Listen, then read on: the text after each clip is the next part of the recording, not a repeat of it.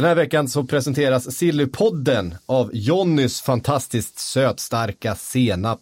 Eh, vilket är alldeles speciellt för att jag lovar att ingen, eh, och då menar jag liksom ingen, äter lika mycket senap som jag. Eh, ja, alltså det vet jag ju inte. Det finns ingen liksom, officiell statistik på vem som äter mest senap, men jag, jag ligger där någonstans. Eh, jag skulle säga att 90% av den senapen är då sötstark senap. Eh, och ni som följt den här podden har ju säkert uppfattat att det, det grillas en del på min altan. Jag, jag tar det här på allvar liksom.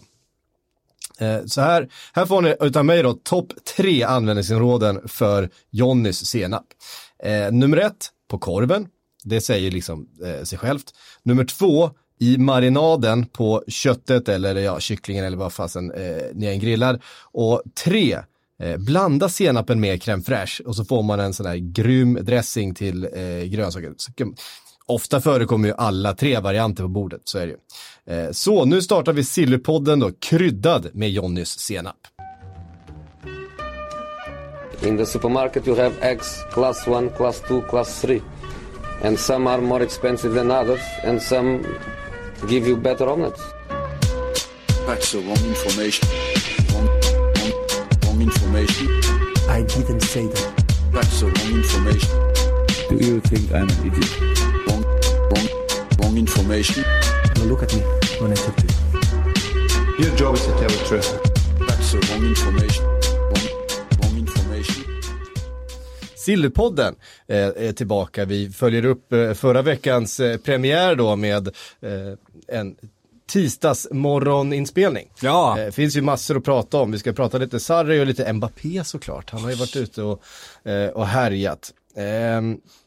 Jag har faktiskt skrivit ihop en mini-scouting-rapport också. Ja, Det är visserligen en spelare som jag tror många av er har suttit och kollat YouTube-klipp och så vidare på och har ganska bra koll på. Men alla som Eh. spelat football manager har bra koll på honom. Den här världen som du, du inte riktigt är bevandrad i. Men det kan jag meddela. Jag försökte spela fotboll manager. Eh, i, mobilen då, inte... Ja, det är ett jävla juniormisstag, så är det ju. jag, jag har ingen dator så, ehm, alltså jag har bara en jobbdator och den får jag inte spela, spela spel på. Ehm, Jag kan ge dig lösenordet dit sen så löser vi det där. jag tekniker försökte, inte jag försökte Sillypoddare. spela, spela, eh, football manager i telefonen. Det var fan det tråkigaste jag gjort Ja, det, i det, mitt liv. det är ju en katastrof mobilversion. Den enda gången den var bra var när jag skulle få min, min son och eh, vi skulle ha igångsättning, vilket de som är bevandrade i det vet, kan ta ett par dygn. Då var det en räddning på BB att ha Football Manager i mobilen ska jag meddela. Eh, men eh, annars så är det katastrof mobilversion, så är det ju. Du missar ju hela nyanserna. Ja, men jag är ju bränd nu så att det blir inget mer eh, Ja, nej, men du, du ska inte ge dig in i den. Det, det, det borde finnas anonyma football manager beroendegrupper tycker jag. Så att det är en riskzon du ska undvika tycker jag.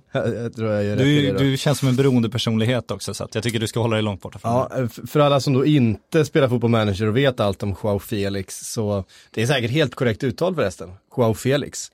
Med en liten så här östgötsk touch i Ja, efternamnet. absolut. Och inte Felix eller något sånt där som känns lite mer Nej, jag gillar, jag gillar hur du säger det. Felix. Chao Felix.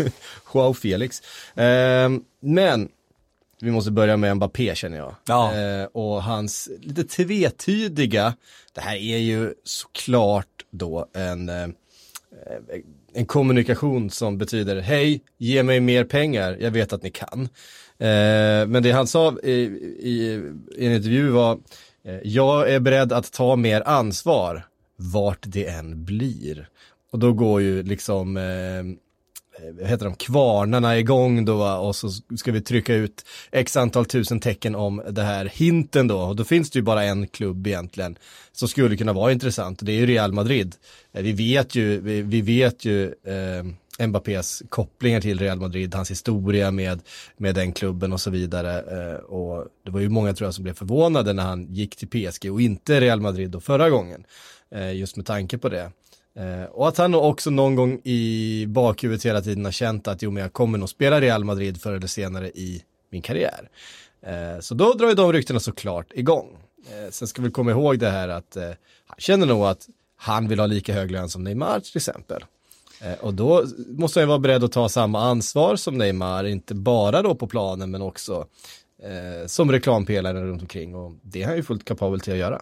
Ja, så är det. Och sen eh, Le Parisien har ju följt upp det här och skriver om en, en potentiell maktkamp i PSG som faktiskt är rätt intressant utifrån de här kommentarerna. Eh, för att eh, vi vet ju historiskt att PSG hade ju eh, ganska stora problem under Zlatan Ibrahimovic tid där, eh, där det blev liksom en, två grupperingar i omklädningsrummet. En med de franska spelarna och en med, med brassarna. Och PSGs lösning på det har ju varit att värva ännu fler brassar så att det ska liksom bli en dominant grupp där. Vi vet att Thiago Silva och Marquinhos är de ordinarie lagkaptenerna, båda brassar.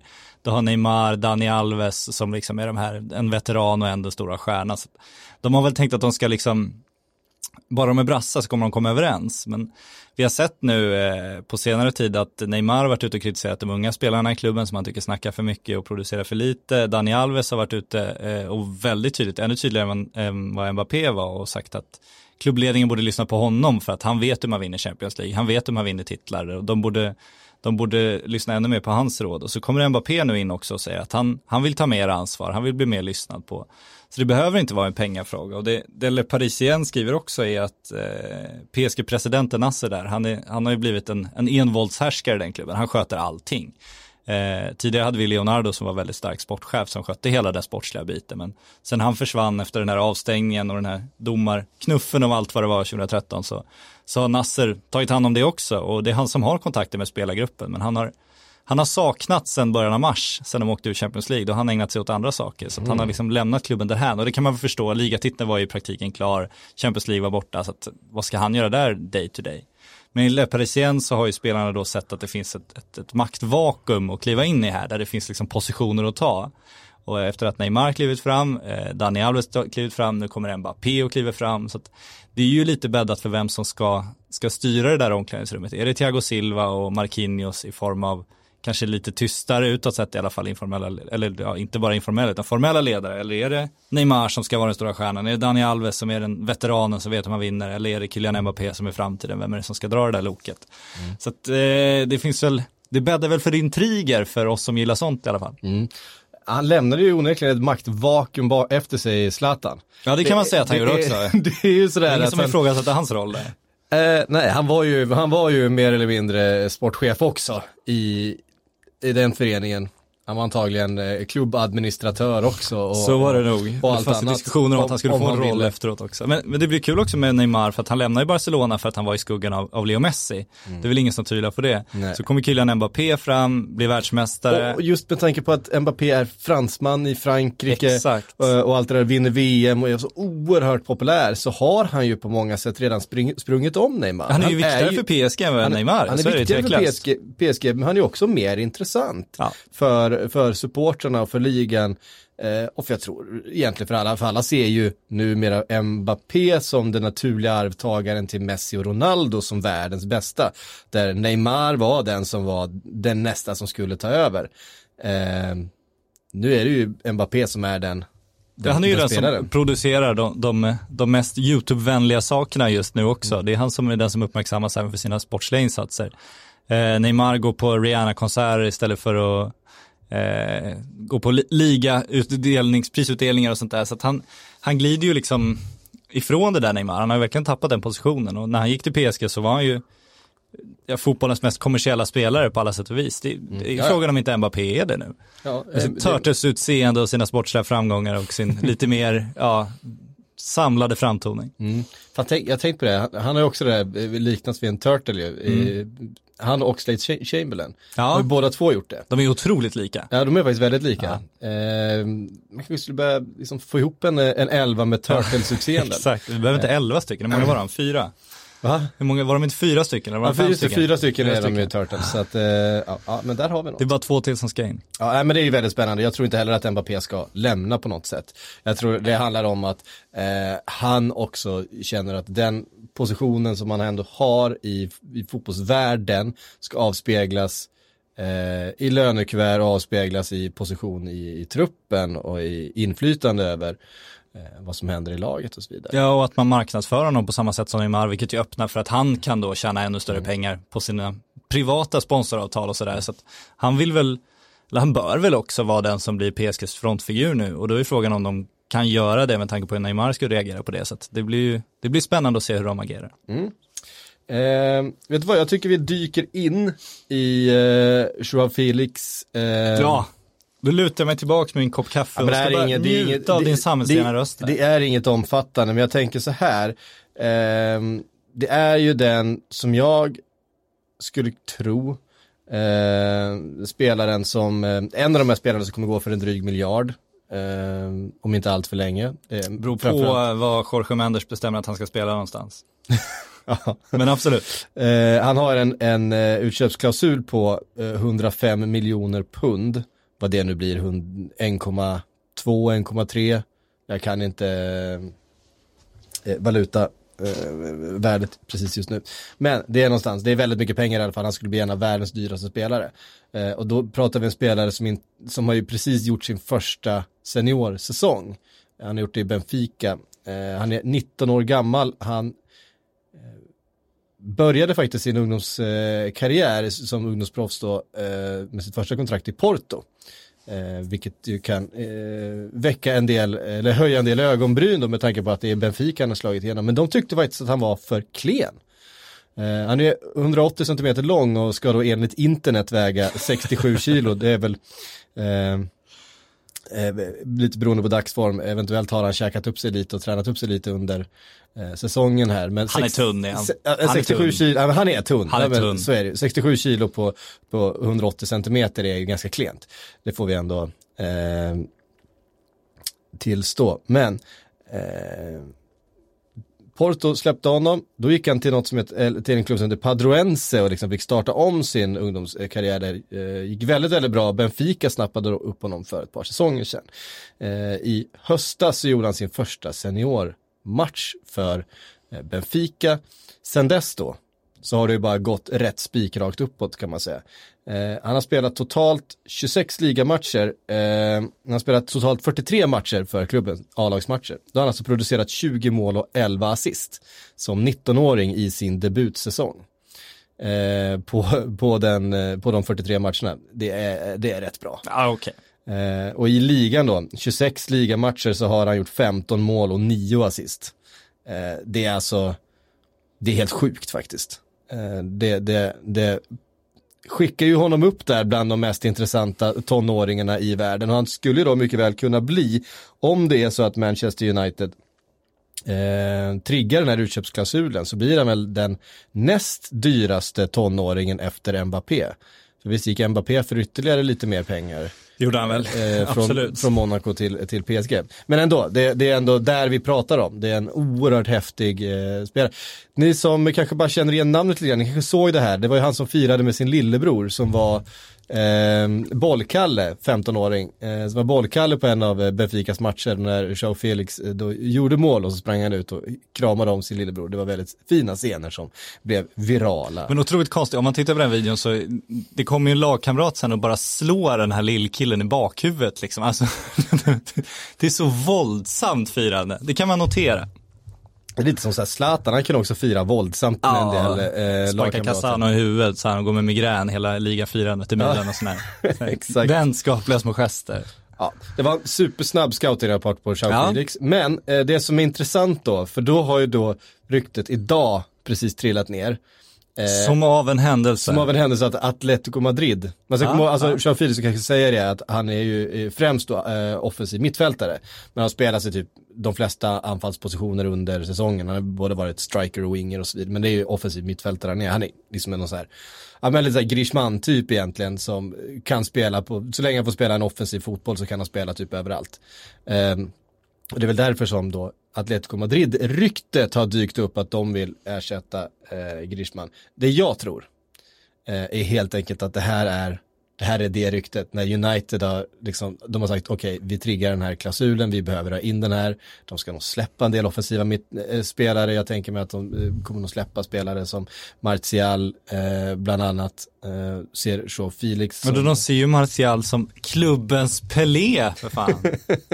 kan inte släppa den. Vilket är ju intressant eftersom Martial kom som 19-åring för en miljard Ja. och hade liknande statistik i Monaco. Det, det är ju samma värvning igen. Han tappar Men- fotfästet lite Martial kan man men, säga. men eh, vi, eh, vi behöver inte döma ut uh, Joao Felix för det. Ehm, men jag tror att, att Atletico Madrid Madrid-ryktet som har dykt upp nu, det är den här klassiska löneförhandlingsryktet med United.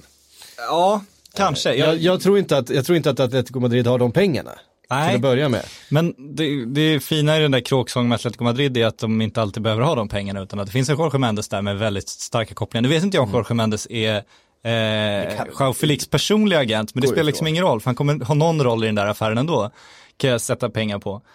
Men eh, han har ju placerat spelare i, i Atletico tidigare för och sen... Soccer Pro Master, är det Jorge Ah, du får googla vidare tror jag. Ja, men han har ju tidigare placerat spelare i, i Atletico för att liksom ta det där mellansteget, vilket är intressant att göra i i Atletico, men vi har ju sett, sett det förut.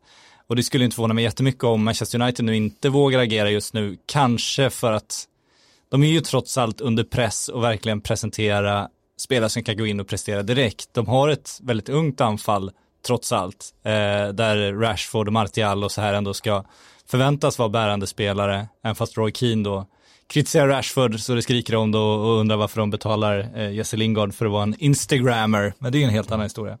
jag kan, säga att, jag kan säga att eh, Joao Felix faktiskt inte har eh. Jorge Mendes som, som agent, utan de här eh, Då kommer Benfica ha Jorge Mendes som agent i den där affären. Så han kommer in där. Exakt, jo, han kommer, han kommer vara med. Soccer Pro Master, det låter ju också som ett jävla skurkbolag. Ja, alltså. alltså, eh, Eh, men de har bland annat eh, nej, men ett gäng olika, ja men en massa olika eh, portugisiska spelare, eh, främst Benfica vad jag kan se. Eh, ingen som eh, jag direkt, eh, eh, ingen som jag direkt eh, hajar till på som eh, något namn som sticker ut. Ehm, ja, det är alltid Nej, bra poddinnehåll, Poddyxi googlar. det är bra en i podd, vi borde Nej, men, starta. men det är lite intressant ändå. Eh, men det vet man ju att Jorge Mendes kommer bli in- involverad. Ja, på något sätt portugisiska vara spelare Ja. ska gå för, för miljarden. Ja. Då är han ju där. Då är de ju alla inne. De är, de är väldigt skickliga på det här med att, att lyckas ändå nypa åt sig en liten bit av kakan. Ja, oavsett vad det är som händer. Och man förvånar varje gång att klubbarna bara går med på det där, men de, alla påstår att de får mer pengar när de anlitar de där agenterna, men jag undrar, någon betalar ju hela tiden, så att jag, ja, det känns som en stor jäkla fotbollskonspiration bara med, eh, Dubai betalar. ja, lite så. Ja. Men eh, jag, jag, jag undrar Ja. om Manchester United lägger alla sina ägg i en 19-årig eh, gänglig killes eh, lilla kopp. Eller om det, det verkligen är det de vågar göra i det här skedet. Det, det är jag inte helt säker på. Om då skulle de inte våga göra det i det här skedet, då känns Atletico Madrid som ett väldigt logiskt steg trots allt om man tittar på hur, hur portugisiska spelare från den portugisiska ligan ofta tar sig in i europeiska toppfotbollen. Ja. Eh, nej, det här är ju såklart långt ifrån, långt ifrån klart. Ja, ja, herregud. Eh, Absolut. Och det, men- det är också just den här gängliga typen. Klubbar dras, de gillar ju ofta de här lite mer muskulösa spelarna. Eh, De har någon slags tanke att det är mer färdiga fotbollsspelare. Men så ser vi, vi har sett Neymars överarmar, vi har sett David Silva slår, vi har sett sådana saker. Och det verkar gå alldeles utmärkt ändå. Så att, eh, ja, Jean Felix väldigt spännande. Ja, uh, onekligen. Just med tanke på att han uh, klivit in och så omedelbart producerat så fruktansvärt mycket poäng. Eh, det är ju någon slags en, eh, det är ju väldigt få spelare vi har sett som, som har gjort det och de som har gjort det också i väldigt eh, många fall de som har blivit de absolut mest Så är det, och då är ju då har det varit liksom inte... Mbappé och sen har det varit liksom Leo Messi och, och ehm, det är inte ens, jag menar Cristiano och de här producerar ju de, ehm, de, de poängen i, i den här åldern. Nej, och portugisiska ligan är ju, det är ju inte den holländska ligan där du kan Nej, spruta in eh, 34 mål i en skytteliga utan att egentligen göra något större avtryck utan här, det, det är betydligt tuffare liga definitivt än så. så att, ja, inga namn nämnda. Nej. Eh, men den är spännande att följa. Ehm, vet du vem som fick sparken? Ah, inte på rak arm, sparken fick han på ju nu. inte, jag tänker på Allegri Ja, okej. Eh, Ja, det var dig va? i, Juventus. Han slutade. Tackade för sig. Ja, precis. Ehm, han är i alla fall inte kvar. Juventus behöver en ny manager. Japp. Ehm, ska det bli Maurizio Sarri? Eller ska det bli José Mourinho? Ja. Ja, eh, jag undrar ju vart Allegri ska, först och främst, för han är ju ändå den som någonstans, det känns som det är hans beslut det här, eh, i alla fall den bild jag har fått av rapporterna. Eh, sen vet man inte om Juventus har hjälpt till att putta ut honom, men eh, det känns som det är hans beslut och det, dörren är ju stängd liksom i storklubbarna. Bayern München verkar ju trots allt behålla Kovacs, eh, även om det finns olika rapporter om det. Real Madrid har en Zidane som ska sitta där och Barcelona lär väl inte byta tränare och PSG ska bara Tuchel sägs det. Eh, Manchester United lär väl satsa vidare med Solskär ett tag till i alla fall. Eh, där bakom är det ju Chelsea som ska byta tränare, men det känns inte, Chelsea och Allegri känns inte sådär som match made in heaven. Det känns som han hade kanske lite större ambitioner än så. Därför är man lite fundersam kring det där. Eh, jag tror inte jag glömmer någon klubb nu sådär direkt. Atletico har ju sin tränare. Och, ja, det känns lite konstigt alltihop. Och då är frågan vart Juventus ska. Eh, Mourinho-ryktet kommer ju såklart. Eh, jag vet inte om han är så het just nu. Jag vet inte om han om Cristiano Ronaldo, sägs ju att han skulle välkomna honom, men eh, det gick ju inte smärtfritt i Real mellan de två. Nej. Ska de värva Pogba också, då blir det Ja, liv i luckan. och sen det känns lite konstigt. Och sen Sarri, jag vet, han är, han är det, han känns ju väldigt, han är väldigt tydlig med sin fotbollsstrategi, hur han vill spela fotboll. I Juventus, alltså den typen av storklubb har ju ofta en ganska tydlig egen strategi. Det känns, det är liksom, där tar man inte in en tränare så bygger man om hela truppen efter den tränaren, och så- för man vet att den tränaren försvinner också. Utan det känns ju ofta som de har en, en annan typ av filosofi. Och då gäller det att Sarri rimmar perfekt med Juventus. Och jag vet inte, jag. Det var ju Eh, roligt när, när Gazzetta dello Sport hade, hade karusellen då att eh, Sarri skulle ta över Juventus och Frank Lampard skulle ta över Chelsea. Fin. eh, jag undrar hur Gazzetta fick tag på de uppgifterna från eh, Frank Lampard, men det vet man inte. De är underbara ingångar i Derby. Ja, ehm, det kittlade lite i alla fall. Ja, det gjorde den. Det vore ju katastrofalt för, för Lampard tror jag i det här skedet i hans karriär att ta över ett Chelsea i den positionen de är nu med liksom transferförbud. Ja, därför ska, ska Allegri in då som liksom har en, Lampard har ingen stark position som tränare, så att han skulle ju ändå ta Chelsea-anbudet, så är det ju. Ja, han hade ju tagit, Ja, ja, men precis. Allegri lär väl inte ta ett Chelsea-anbud nu, det känns otroligt Nej, det konstigt. tror jag inte. Eh, och det är det jag funderar också på för att Valverde har ju verkligen varit ifrågasatt, eh, ja men sedan förlusten i Liverpool, ja, det liksom beskrivits som en av de värsta förlusterna i klubbens historia och så vidare. Just med tanke på att det hände samma sak säsongen innan då. Nu skulle man bara vinna Champions League. Det var, man hade ju vilat Messi halva säsongen för bara Ja, för att ja. det liksom och, och sen när Juventus, Real och så vidare bara åker ur och City åker ur och så vidare. Så, PSG. Eh, så går man på den här minan då. Eh, så att frågan är ifall Val, Val, Valverde är kvar. Eh, men jag tycker inte att Allegri känns som Barcelona. Nej, det håller jag med om. Allegri känns som en... Han har inte Barcelona-DNA. Nej, nej, exakt. Han känns som en Real Madrid-tränare i vad han Ja, gör. det tycker gör han. Snarare då, i sådana fall. Då har vi också sett, det finns ju undersökningar i spansk press idag, att eh, det finns ju ganska hård press på eh, både Florentino Perez och, och Zinedine Zidane, att, Mm. eh, att de läsarna, jag tror att det var Marca, det bör ha varit Marca, eh, att han inte alls är populär Zidane bland Real Madrid-fansen och att de inte ser någon utveckling under honom. Så att, och eftersom det är Det låter Perez som en AS-vinkel i och för sig. Ja, det, ja eller en El Mundo. Men, eh, men eftersom det är Perez så vet man ju att eh, Florentino Perez ser ju till sitt eget i första hand och skulle opinionssiffrorna gå ner lite och han känner att det är lite press, han skulle nog inte dra sig för att kicka, om det ens är Zidane. Problemet för honom är att om det då går åt helvete så kommer ju han vara den som kickade Zidane och skickade klubben neråt. Då vinner han ju aldrig nästa presidentval. Nej, exakt, så att han, det är ju- vore ju ett, ett, en, en rejäl chansning. Men eh, just för att det är han ska man inte hålla det för osannolikt heller. Sen ska vi säga att Mourinho säger ju att han vet vad han ska göra i höst. Eh, det ska man också ta med i beräkningarna och fundera på vad det kan bero på. Ja. ja, det är ju spännande. Mourinho till Barcelona. Han har ju varit i Barcelona, så lite Barca-DNA har han haft. Ja, precis. Han har varit där som assisterande en gång i tiden.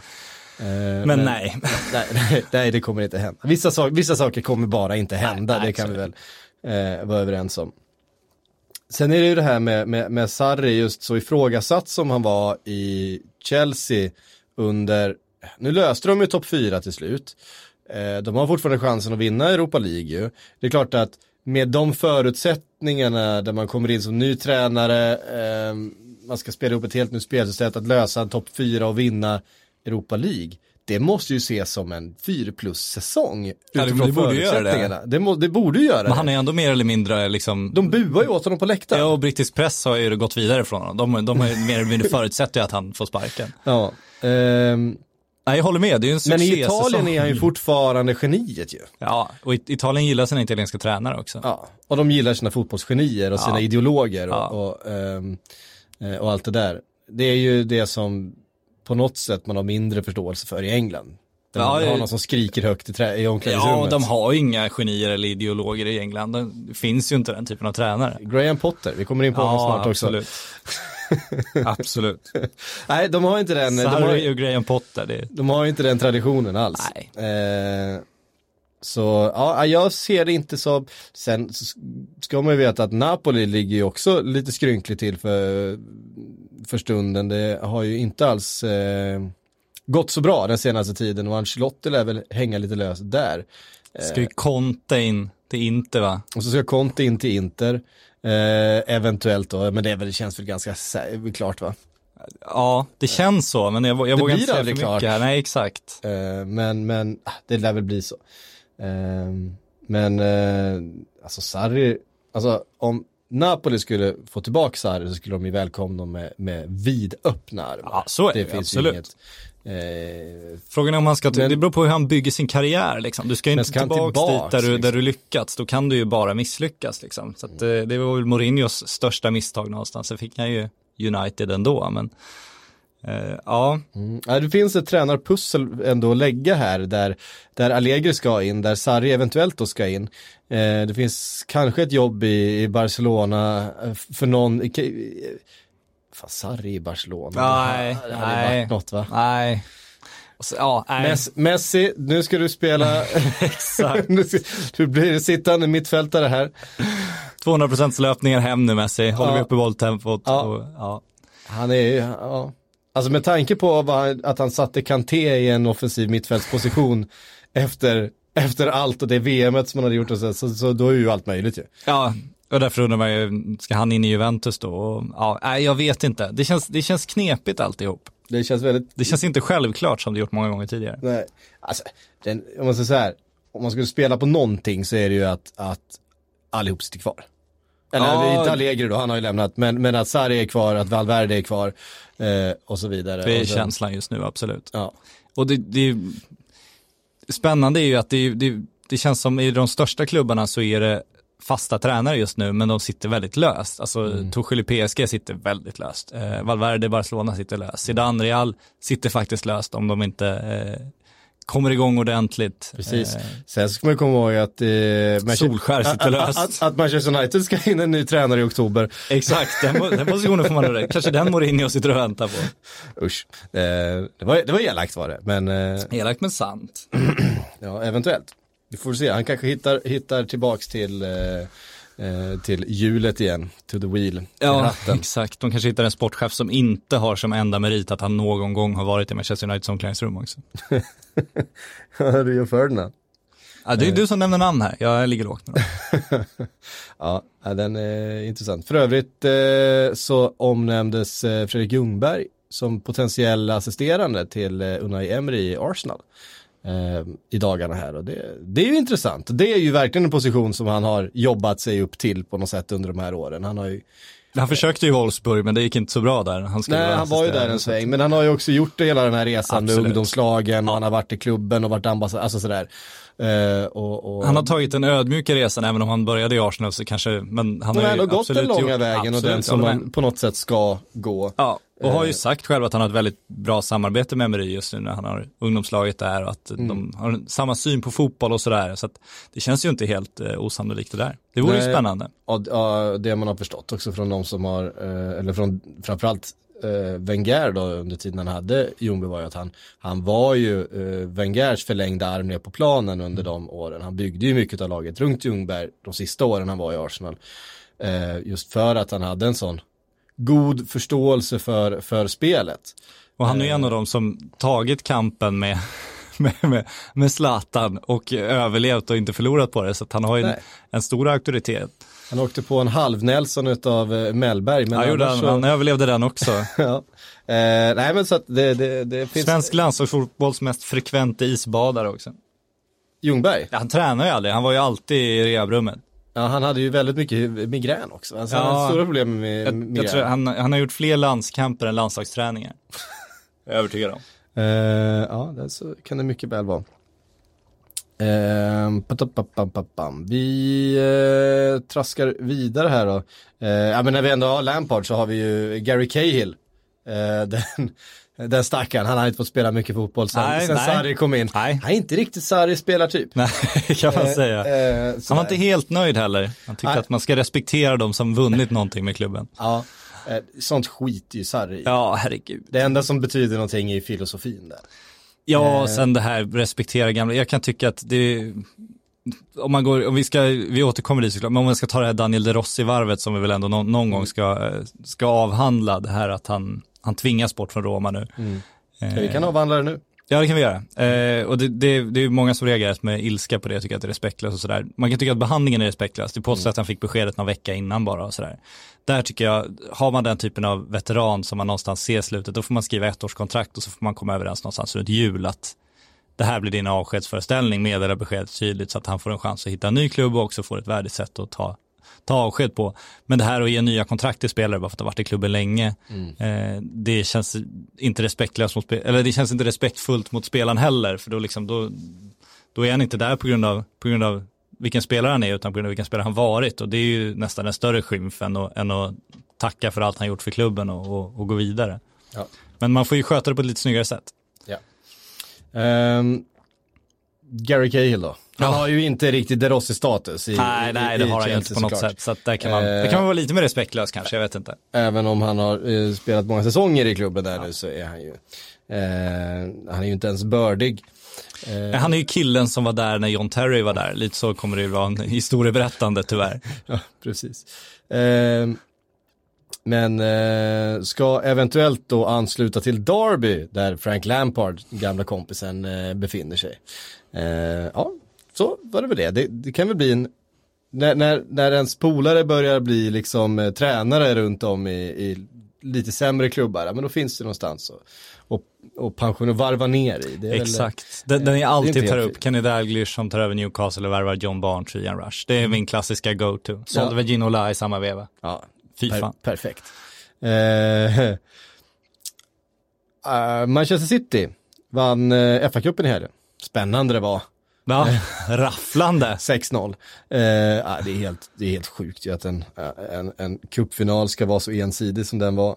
Men eh, ja, Watford hade ju ingenting bara att, att sätta emot. Ja. Sen satte de ju Men det här är väl Gomes, det- Gomes i mål dessutom och det var ju också konstigt Ja. tycker jag. Det var ju som att, eh, men här, här har ni världens bästa eh, anfallsspelande liksom, fotbollslag. Nu sätter vi in andra målvakten bara för att, eh, av nostalgiska skäl liksom.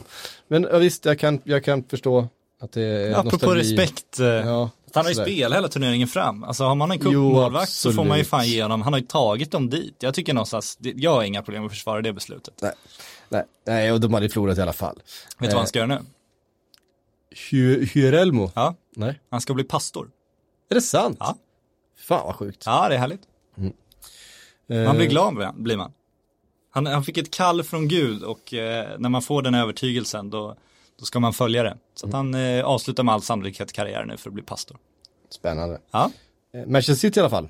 Är, eh, behöver ju, och det är någonting som vi har pratat om rätt länge, eh, en av deras viktigaste spelare, Fernandinho, börjar ju bli lite till åren. Har eh, missat en del matcher den här säsongen eh, med skada och då har vi också sett att eh, när Fernandinho inte har spelat så har eh, spelet inte heller funkat som det ska. Eh, det har ju funnits eh, eh, de som har kunnat vikariera men ingen som riktigt har kunnat göra det fullt ut. Nu har man identifierat Rodri, eh, Atletico Madrids eh, unge mittfältare. Eh, jag ska inte gissa på ålder här men ganska ung i alla fall tror jag. 22-23 någonting. Jag vet inte. ett stort utvecklingssteg för podden att vi nu slutar gissa på ålder. Ja, jag, jag, kommer absolut gissa på minst en ålder till innan det här eh, avsnittet är över. Eh, ska då, eh, har då eh, identifierats som en eh, tänkbar Eh, ersättare, eller i alla fall någon som kan på sikt då ersätta Fernandinho eh, i den här positionen. Och Pep ska vara beredd att erbjuda Gabriel Jesus som en del av affären. Eh, man, har ju, man ser ju då att Atletico Madrid behöver en anfallare eftersom Grishman ska lämna. Eller har han lämnat eller ska han? Nej, han har inte lämnat än ju. Han ska lämna när hans nya klausul träder i kraft, det är väl första juli? Eller första juni. Ja, han har, han har, den sänks ju i alla fall vid ett bestämt datum. Om det är första juni eller första juli ska jag inte svära på. Okej. Så att eh, han måste vänta tills dess innan han kan säga vart han ska. Men det påstås ju att han redan vet vart han ska. Ja, och Valverde har ju också bekräftat att de är för dialog just nu med eh, Griezmann och Atletico Madrid. Så det kommer snurra lite rykten nu under kontraktsförhandlingen som det brukar göra. Men det lär väl bli Barcelona. Så är det. Men Manchester City ska då vara beredda att släppa Gabriel Jesus, som ju ändå var en, en sån fullträff kändes som när de värvade den här ändå väldigt dyra, eh, nu var han typ 19-20 år gammal när han kom direkt från Brasilien till Manchester City, gick rakt in i laget, började göra mål.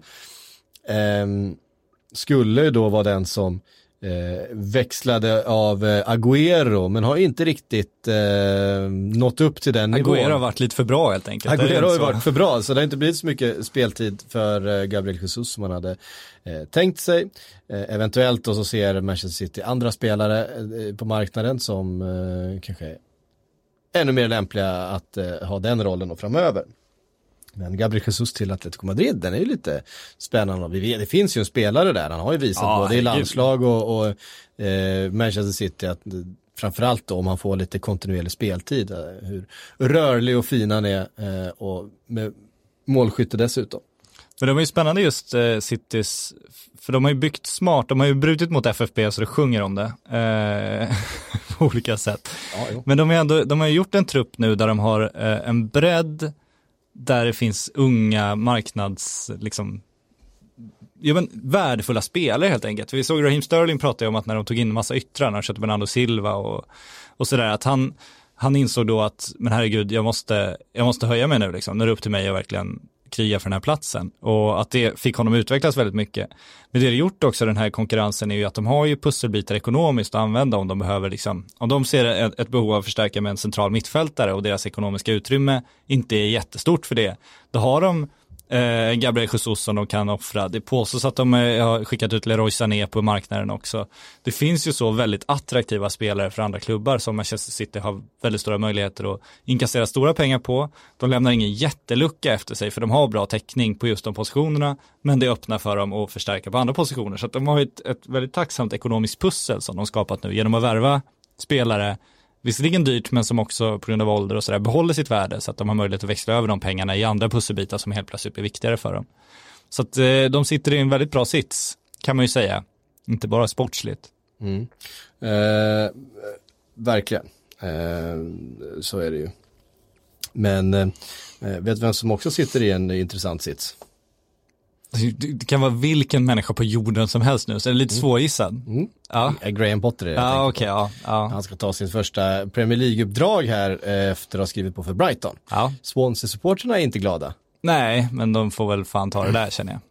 Ja, alltså Swansea som har ju gått från att vara eh, hela Storbritanniens mest välskötta eh, idrottsförening till att bli en av de sämst skötta. Sparkar väl ut Martin Olsson nu också? Eller på- sparka ut när kontraktet gick ut? kontraktet gick ut. nu. Han var för dyr. Får du förlänga med. Ja, han hade väl en Premier League-lön. Han har en snuskigt hög lön påstås det. Jag, jag tror, du ska inte svära på att det verkligen är så här, men efter att han skrev på det där kontraktet så hade landslaget informella träningar. Det var liksom lite för tidigt för den landslagssamlingen som var på gång, men spelarna som inte hade säsong längre träffades och tränade, tränade tillsammans och de var bland annat ute på Bosön då.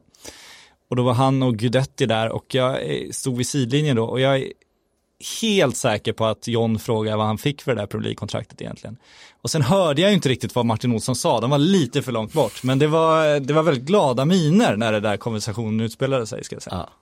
Jo, han tjänar ju väldigt mycket pengar. Han tjänar väldigt mycket, det hade precis skrivit på det där också. Så att, ja, det var bra betalt. Ja, ehm, och eh, frågan är då vart Martin Olsson ska. Ja. Eh, för det är ju en spelare med många säsongers Premier League-erfarenhet, eh, fortfarande svensk landslagsback.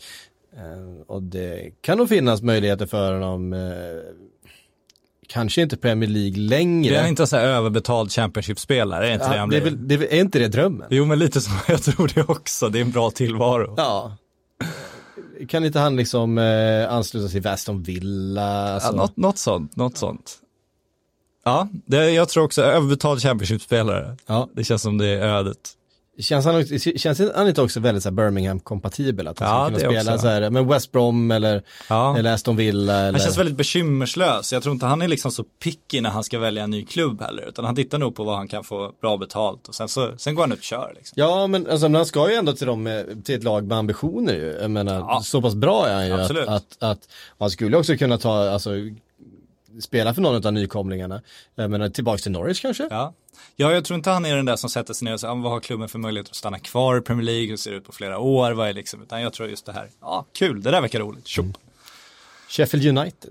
De är ju uppe nu. Har du någon klubb du behöva- inte nämnt nu där omkring upp och nedflyttning i Premier League kommande Nej, säsong? kanske inte. Nej, men, eh, men Sheffield United är ju klara för sin första Premier Ja, League-säsong på, ja just, just Premier League har de väl inte spelat tidigare. Kommer de liksom snuska till ett lukrativt kontrakt för en veteran på det sättet på ytterbacken?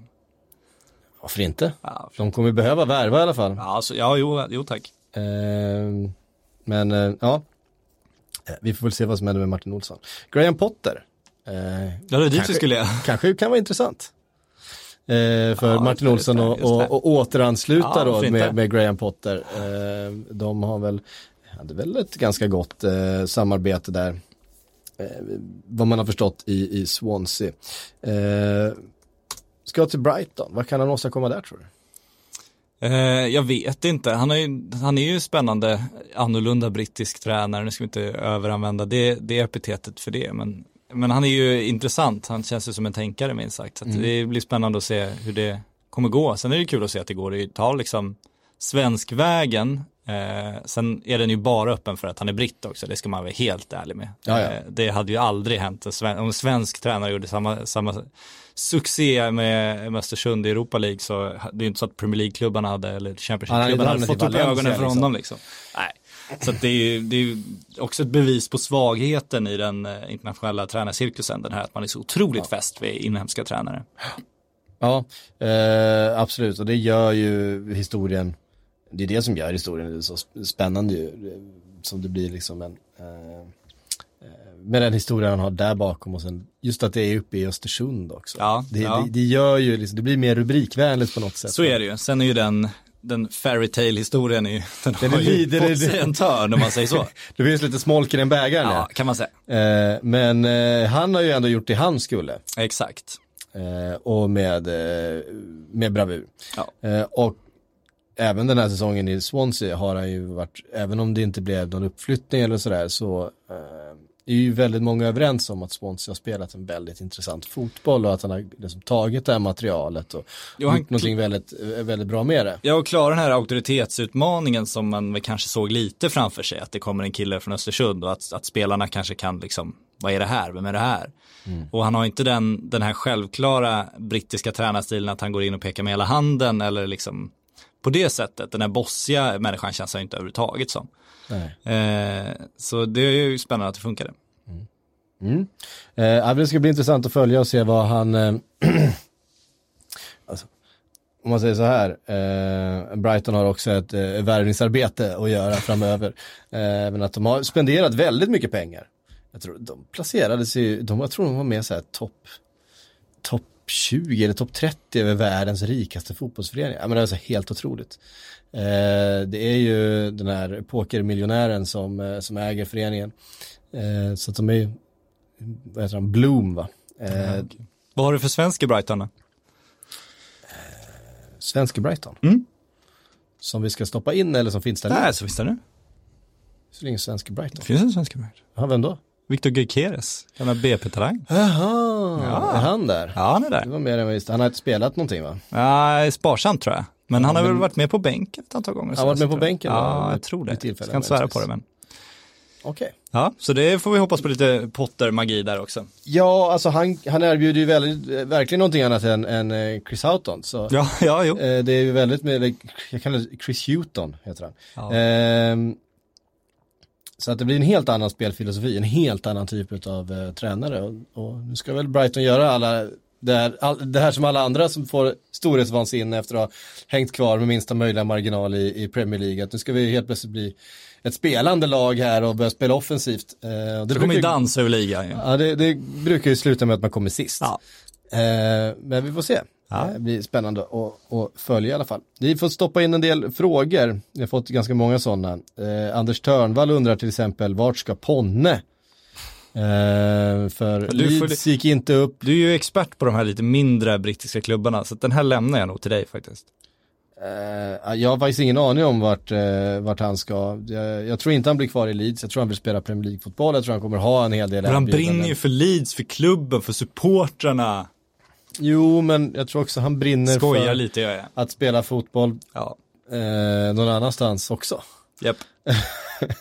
Eh, nej, det, det, han är ju en extrem, han är ju en känslomänniska och en, en, eh, en spelare med sådär heart on his sleeve eh, som de säger. Så att han är ju rolig på det sättet. Är Sen- det genomgenuint då eller är han smart och spelar på, på de här eh, strängarna för att det kan gynna honom i det långa loppet? Kan inte riktigt avgöra det. Nej. Eh, jag har nog fått känslan i alla fall att han är lite den här typen, att, i alla fall på planen.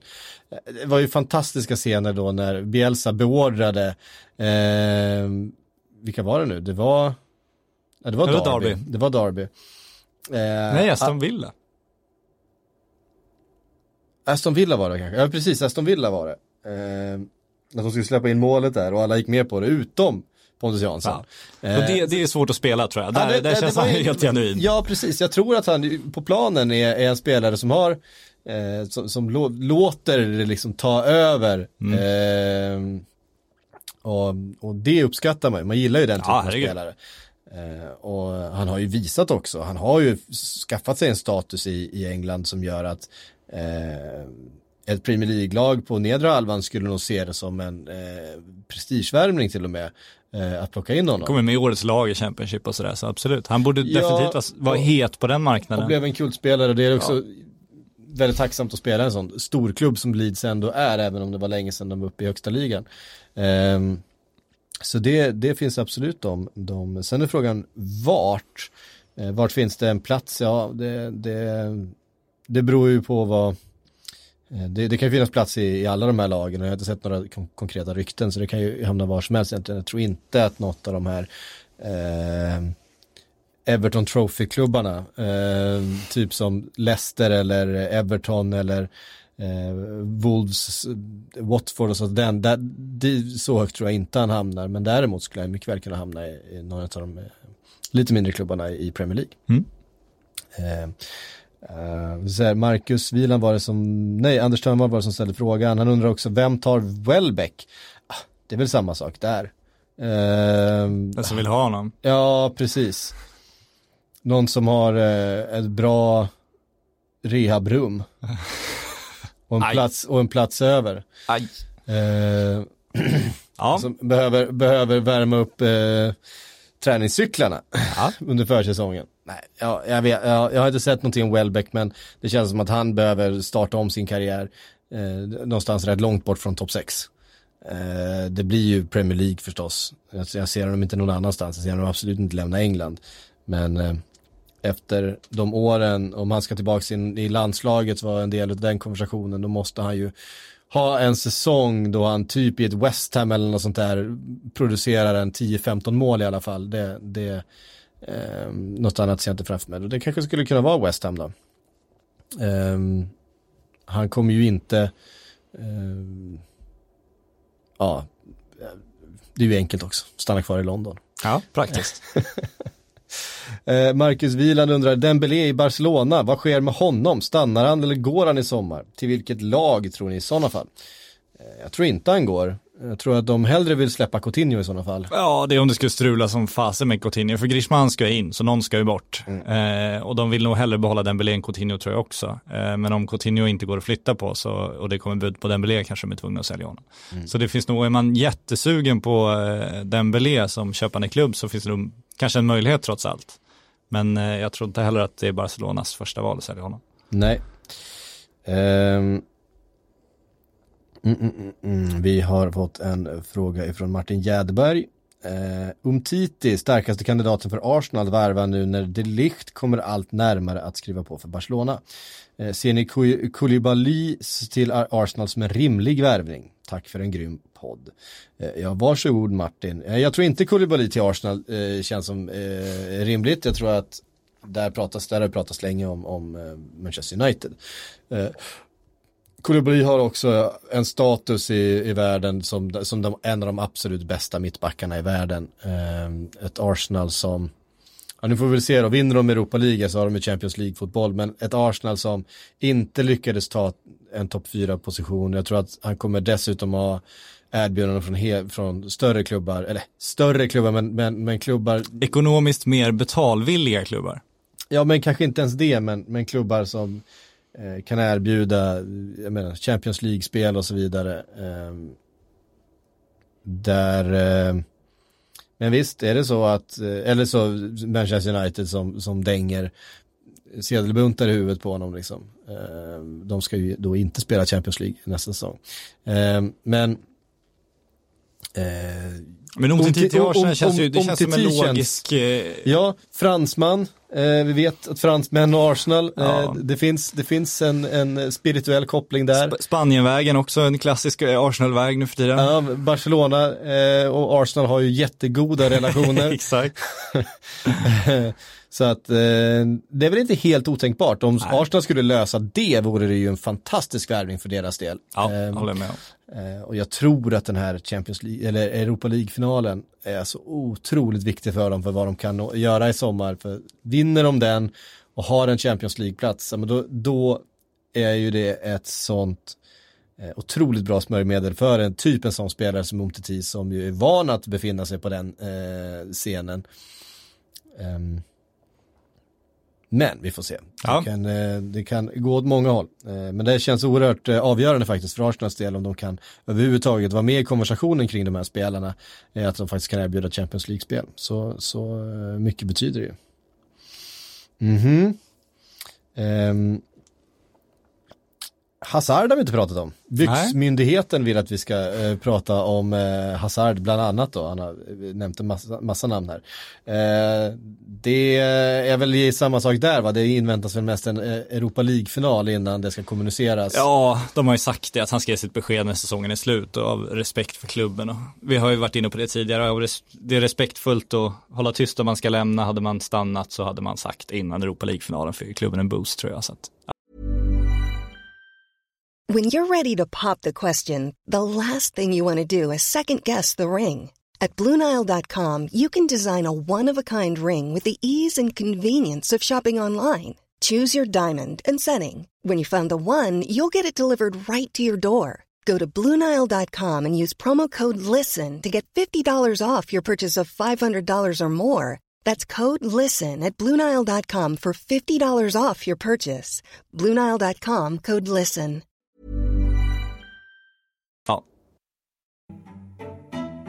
Jag ska tipsa om att det finns en, en, en hacker i Ecuador som står Julian Assange väldigt nära, vilket Ola Bini faktiskt gör. den gruppen i EU-parlamentet blir så stor att den kan blockera vissa beslut. Och då krävs det ungefär 160 mandat och det ligger inom räckhåll för de partierna. Men det slutar ju med att klubban faller inklusive produktion på 4 miljarder kronor. Och det här blir då världens mest dyrbara målning genom tiderna. Han hade betalat några personer genom en internettjänst att hålla upp en skylt där det stod eh, död åt alla judar. Förra gången det var en så här riktig klimatvåg runt 2006, det var ju då Miljöpartiet började växa. Men då hade man ett lite annat läge. Aftonbladet Daily ger dig både en bredare och djupare bild av de mest aktuella nyhetshändelserna. Dessutom plockar vi upp de historierna som kanske inte får de största rubrikerna men som på andra sätt hjälper till att forma vår samtid. Ett nytt ämne varje dag, måndag till fredag med Marcus Ulfsand och Jenny Ågren. Prenumerera på Aftonbladet Daily i din poddspelare eller följ oss i din smarta högtalare.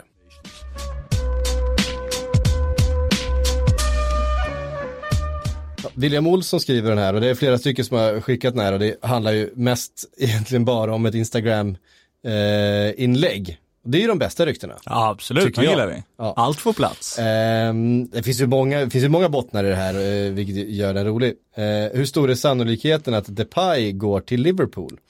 Eh, och det handlar ju om att han och eh, Gini Wijnaldum är ju eh, kompisar. Eh, De har ju känt varandra länge och ehm, har varit på semester tillsammans nu senaste veckan eh, och hängt.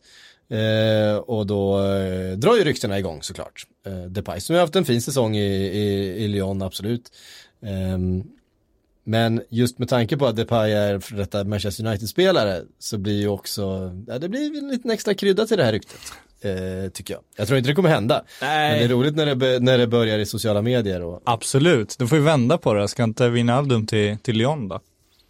Ja, just det. Eh, ja, absolut. Det, kanske blir så. Känns lika sannolikt. Äh, men man ser ju Depay, eh, han älskar ju att vara stjärnan, han älskar att vara nummer ett. Eh, det finns ju få människor som liksom kräver den, den statusen på det sättet, många gånger oförtjänt. Mm. Eh, men han får ändå vara det nu i franska ligan och jag tror att han mår rätt bra där. Jag har svårt att se att han åker till Liverpool för att försöka konkurrera ut någon där längst fram. Eh, det känns fullständigt osannolikt och det är väl inte riktigt den spelare man tar in för att ha som komplementspelare heller. Jag tror inte att det är en, en bra pusselbit att ha i omklädningsrummet att ha honom i en sån roll. Mm, vi fyller på då med vad Erik Sundell skriver här, eh, Uniteds tillbakaköpsrätt på Depay. Eh, det, jag känner till om de har någon sån eller inte, jag har inte satt mig in i fallet Depay så noggrant. Men om de har det så hade det varit eh, intressant om de, om de bara gick in och, och stoppade en eventuell Liverpool-transfer för att jävlas. Jag vill se honom gå tillbaka till United bara för att se vad Roy Keane säger. Det, det är min, min främsta vilja just nu. Mm. Eh, Daniel Reinholdsson skriver, snacka lite Odelon och Nygren, går de för tidigt? Det här är ju ett ämne som ligger dig varmt om hjärtat ja. eh, Patrik. Hade klubbarna kunnat sälja ännu dyrare om de väntat? Eh, vilka fler allsvenska talanger kan gå för samma belopp? Odelon är ju konstigt. Det är ju mm. någonting som är märkligt med den affären. Eh, dels så finns det ju regler som gör att du inte får värva när spelare under 18 år. Eh, och har Hammarby då värvat honom när han är under 18 år? Nej, det har de inte gjort. De skrev kontraktet efter att han fyllde 18, men de har ju eh, haft honom uppe i flera år innan. De har skickat med honom souvenirer och matchtröjor och annat när han åker hem. Eh, han har uppenbarligen bott hos eh, släktingar till en samarbetspartner till agenten Patrik Mörk som ju är svensk och har nära samarbeten med Hammarby. Eh, så alltså, det känns ju, det ringer ju varningsklockor här för var gränsen går för vad som är tillåtet och inte. De har förmodligen inte brutit mot någon regel, men är det, är det lämpligt och för anledningen till att du inte får värva spelare under 18 år är att du inte ska, det ska inte bli någon rovjakt på barn, men det blir det ju ändå när du, när du arbetar på det här sättet. Eh, så det är en större diskussion för fotbollen. Det här är ingen enskild kritik mot Hammarby. Så här hade många klubbar agerat om de gjort så här. Eller om de fått den här chansen. Men jag tycker att det finns en, en diskussion att ta där som eh, istället för att bara jubla över att man flyttar över en, en ung kille, eh, kommer överens med honom i praktiken innan han är 18 år, tar över honom, har honom här kort, kort period och sen tjänar jätte, jättemycket pengar på honom. är, det, är det så vi vill, vi vill ha vår fotboll. Eh, det tycker jag man gott kan fråga sig. Mm. Eh, och där är frågan också eh, klubbryggekopplingen och ja, det, det, är mycket, mycket, mycket konstiga saker där. Eh, den känns märklig. Eh, och sen när man tar Nygren så ska man ju säga det att IFK Göteborg behöver sälja, de behöver få in pengar. Och drygt 40 miljoner kronor för Benjamin Nygren eh, är nog väldigt, väldigt välkommen till den kassan. Eh, sen hade de kunnat ha honom kvar flera år, kan han bli en ny Alexander Isak? Jag ser inte att han är den spelartypen som Alexander Isak är som kanske kommer ge det värdet.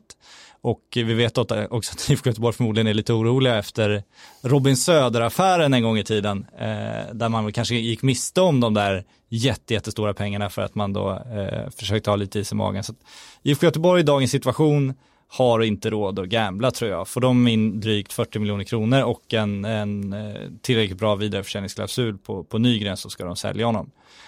Och sen är det här hjälp Belgien, inte Belgien och svenska talanger igen. Eh, och det är ju en spontan reaktion. Men det här är inte Gent utan det här är Genk. Eh, och det finns en viktig skillnad i det när man byter det T mot ett K. Genk eh, har haft jättestora eh, spelare som de fostrar, alltså Kevin De Bruyne, Lukaku var väl lite, ja men Milinkovic Savic var där en sväng, Courtois var där, eh, så de har ju verkligen visat att de kan fostra spelare för de största ligorna. Och de är också ligamästare. Eh, är du anfallsspelare och ska ta nästa steg så vet vi att det är väldigt mycket bättre att gå till en ligamästare än till ett mittenlag för du kommer få mm. betydligt fler målchanser, du kommer få större möjligheter att göra avtryck. Så att om eh, Nygren får chansen att gå till Genk så eh, har jag inga som helst problem med det eh, utifrån perspektivet att de är, att de är eh, en belgisk klubb. Däremot så är det återigen, det här går han för tidigt eh, och det tycker jag absolut. Jag tycker man ska etablera sig i allsvenskan, jag tycker man ska bli dominant i allsvenskan innan man lämnar allsvenskan. Men då får man också tänka på att IFK Göteborg behöver sälja honom, så i den situationen Benjamin Nygren sitter så kanske inte han han kanske, om, om han ska göra IFK Göteborg en tjänst så ska han nog gå nu och det kanske är svårt att, kräva att man ska vara kvar i flera år och sådär. Så, det är en, en svår situation. Men jag tror att eh, ska man gå någonstans som, som så ung anfallare så kanske inte Genk är så illa ändå. Nej. Ehm, nej, absolut inte. Ehm, vi ska bara klargöra, eller klar, det kommer bli ännu mer förvirrat här antar jag. Men eh, Sillybloggen hade vi ju sagt i förra podden skulle startat igår. Eh, det hade skett viss förvirring här på redaktionen som vi har förstått. Eh, dessutom var du inte här igår Bränning och kunde liksom sätta ner foten och peka med hela handen och så vidare. Hade jag Eh, gjort annars. Det hade du gjort annars. Det mandatet har jag ju. ja, det har uppstått eh, en viss förvirring här bland, eh, bland olika redaktörer om vad som gäller egentligen. Vi hade väl kanske inte eh, riktigt all information eh, när vi sa det. Så vi får väl se vad som händer där. Jag tror att det är inte riktigt klart. Men... Vi ligger på för att den ska öppna i alla fall. Ja, vi, vi, vi säga. hoppas att den startar så snart som möjligt. Det är mycket som ska spela. Det är mycket som ska liksom stämma innan, innan det händer. Det är som en stor transfer i fotbollsvärlden det här. Ja, det ska precis. vara lite rykten först, lite osanna uppgifter och sen så kommer bekräftelsen. Ja, det var, det var en sån här, eh, em, ett klockkontrakt som kom in och, och försenade det hela. Liksom. Vi var tvungna att lösa ut eh, Rolex för att kunna eh, få in Swiss. Eh, så kan det vara ibland. Bildrättigheter var nog eh, Var svår involverat också. Ja. Eh, och så fick nyhetschefen ingen tårta på födelsedagen så att han är, han är på dåligt humör. Ja, ni hör ju. Ehm, det var allt vi hade för den här veckan. Tack för att ni har lyssnat, eller för den här veckan. Vi är tillbaka lite senare i veckan igen. med- med en ny uppdatering. Det var allt alltså allmänna alltså. tisdagen?